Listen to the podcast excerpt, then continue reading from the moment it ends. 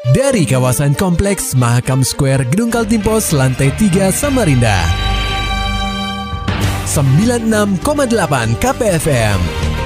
Kita akan ikuti program KP Flash News.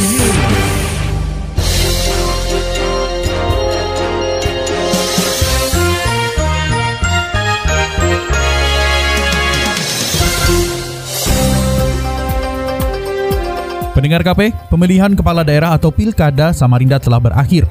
Tahapan dalam hajatan demokrasi tersebut memasuki babak baru, yakni rekapitulasi suara dengan penghitungan berjenjang.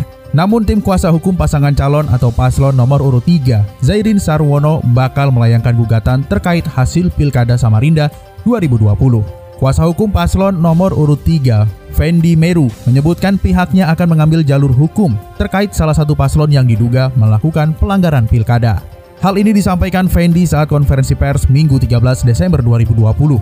Hanya saja, dia belum mengungkap nama paslon yang diduga melakukan pelanggaran itu.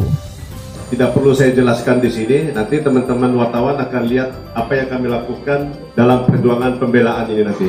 Ambil contoh, seperti besok kami akan melaporkan kepada Bawaslu dan selanjutnya. Sebagai tambahan, kurang lebih ada 12 orang kuasa hukum resmi yang akan melakukan gugatan yakni Junaidi, Ada Wijaya, Apriliansyah, Eko Nur Cahyo, Jopri, Esra Julianto, FX Apuy, Leikius, Jamson Limbong, Swen Randy Nababan, R. Liawandi, dan Fendi Meru selaku ketua tim kuasa hukum. Berita selanjutnya, Gubernur Kaltim ingatkan masyarakat agar mengurangi liburan di akhir tahun. Laporannya disampaikan reporter KPFM Samarinda, Maulani Alamin. Pendengar KP, dalam rapat Porkopinda yang berlangsung beberapa waktu lalu, Gubernur Kaltim Isra Nur meminta masyarakat mengurangi aktivitas pada saat libur akhir tahun. Menurut orang nomor satu di Kaltim itu, hal ini dilakukan untuk menekan penyebaran COVID-19. Himbauan ini juga diterbitkan Pemprov Kaltim dalam bentuk surat edaran bernomor 300.1 garis miring 7143 garis miring B titik PP OD titik I tertanggal 2 Desember 2020 ditujukan kepada seluruh bupati dan wali kota Sekaltim. SE tersebut terkait pengamanan dan penegakan protokol kesehatan dalam rangka penyelenggaraan pilkada, libur Natal, dan Tahun Baru 2021 antisipasi terkait dengan perayaan Natal dan Tahun Baru 2021. Dan ini adalah kebiasaan mungkin pertemuan seperti biasa. Jadi dihadiri oleh Panglima dan seluruh anggota Forkopimda Kalimantan Timur dan dihadiri oleh para bupati wali kota secara virtual. Untuk diketahui, penyebaran virus corona pada 13 Desember 2020 bertambah 277 orang jumlah kumulatif COVID-19 di periode yang sama mencapai 22.352 kasus. KPFM Samarinda, Maulani Al-Amin melaporkan. Pendengar KP, DPRD Kalti meresmikan rancangan peraturan daerah menjadi peraturan daerah atau perda. Sebanyak tiga raperda ditetapkan dalam rapat paripurna ke-37 Senin 14 Desember 2020. Tiga raperda yang resmi diketok adalah revisi Perda nomor 1 tahun 2012 tentang retribusi jasa umum, jasa usaha, dan perizinan tertentu. Kemudian rencana pembangunan dan pengembangan perumahan dan kawasan permukiman atau RP3KP.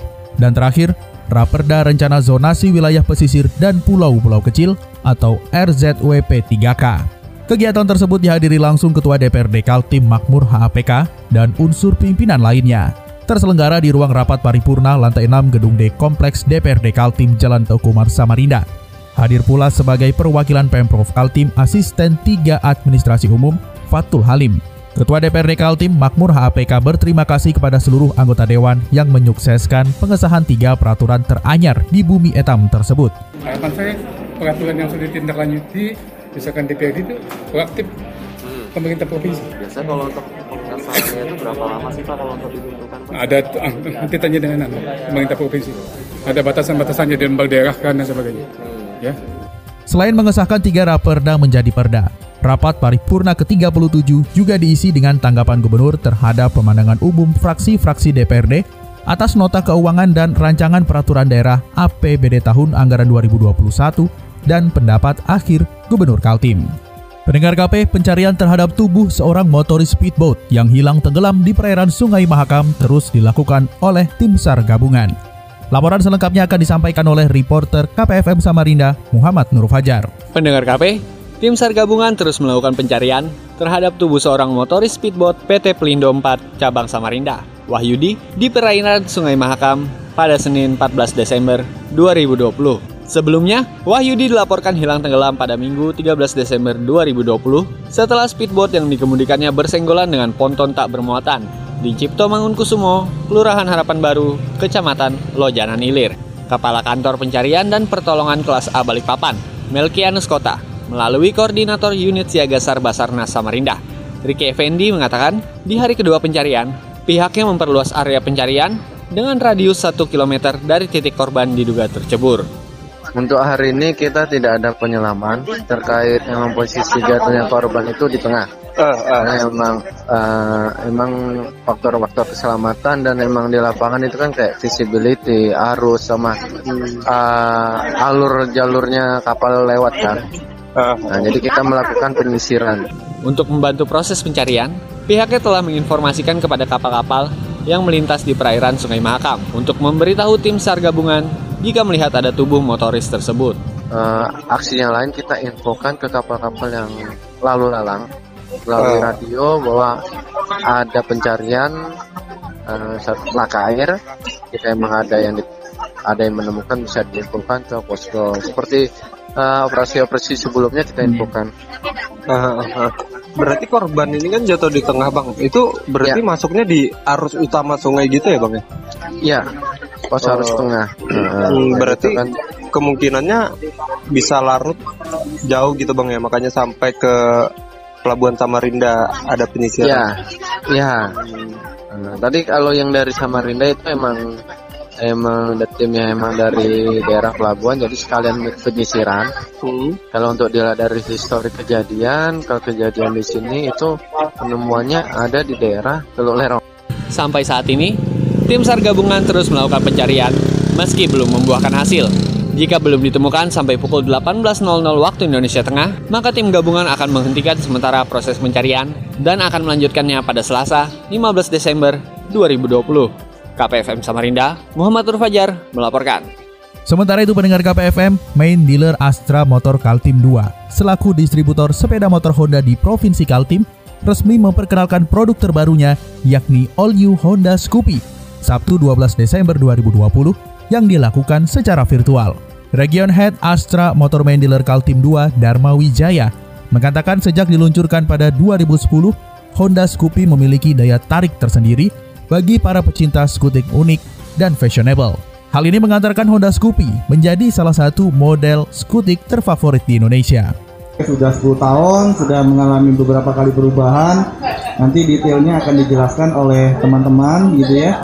Uh, cuma yang pasti uh, dengan sepeda motor City terbaru ini ya harapan kami sebagai uh, main dealer sepeda motor Honda di area Kaltim 2 kami tetap bisa memberikan apa yang konsumen inginkan gitu ya tetap bisa memberikan pelayanan yang terbaik ya. Jadi bukan cuma pada saat mereka mencari sepeda motor yang dibutuhkan tapi juga setelah itu after salesnya dan setelah itu ketersediaan spare partnya. Bahkan kalau ada apa-apa di jalan kita sudah sudah siap untuk uh, mengawal konsumen kita ya.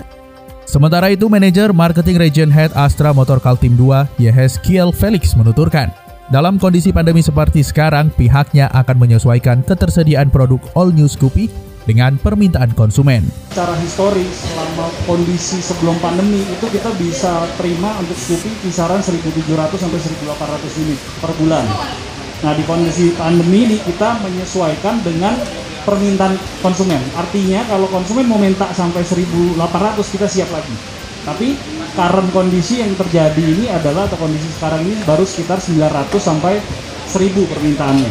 Nah kalau ditanya berapa lama siapnya, kalau bapak ibu pesan dari dealer paling lama 2-3 hari sudah kita penuhi itu pun yang terjauh di uh, Sangatta Bontang. Kalau dalam kota rasanya satu dua hari bisa penuhi, tinggal pengiriman dari gudang kita ke gudangnya dealer.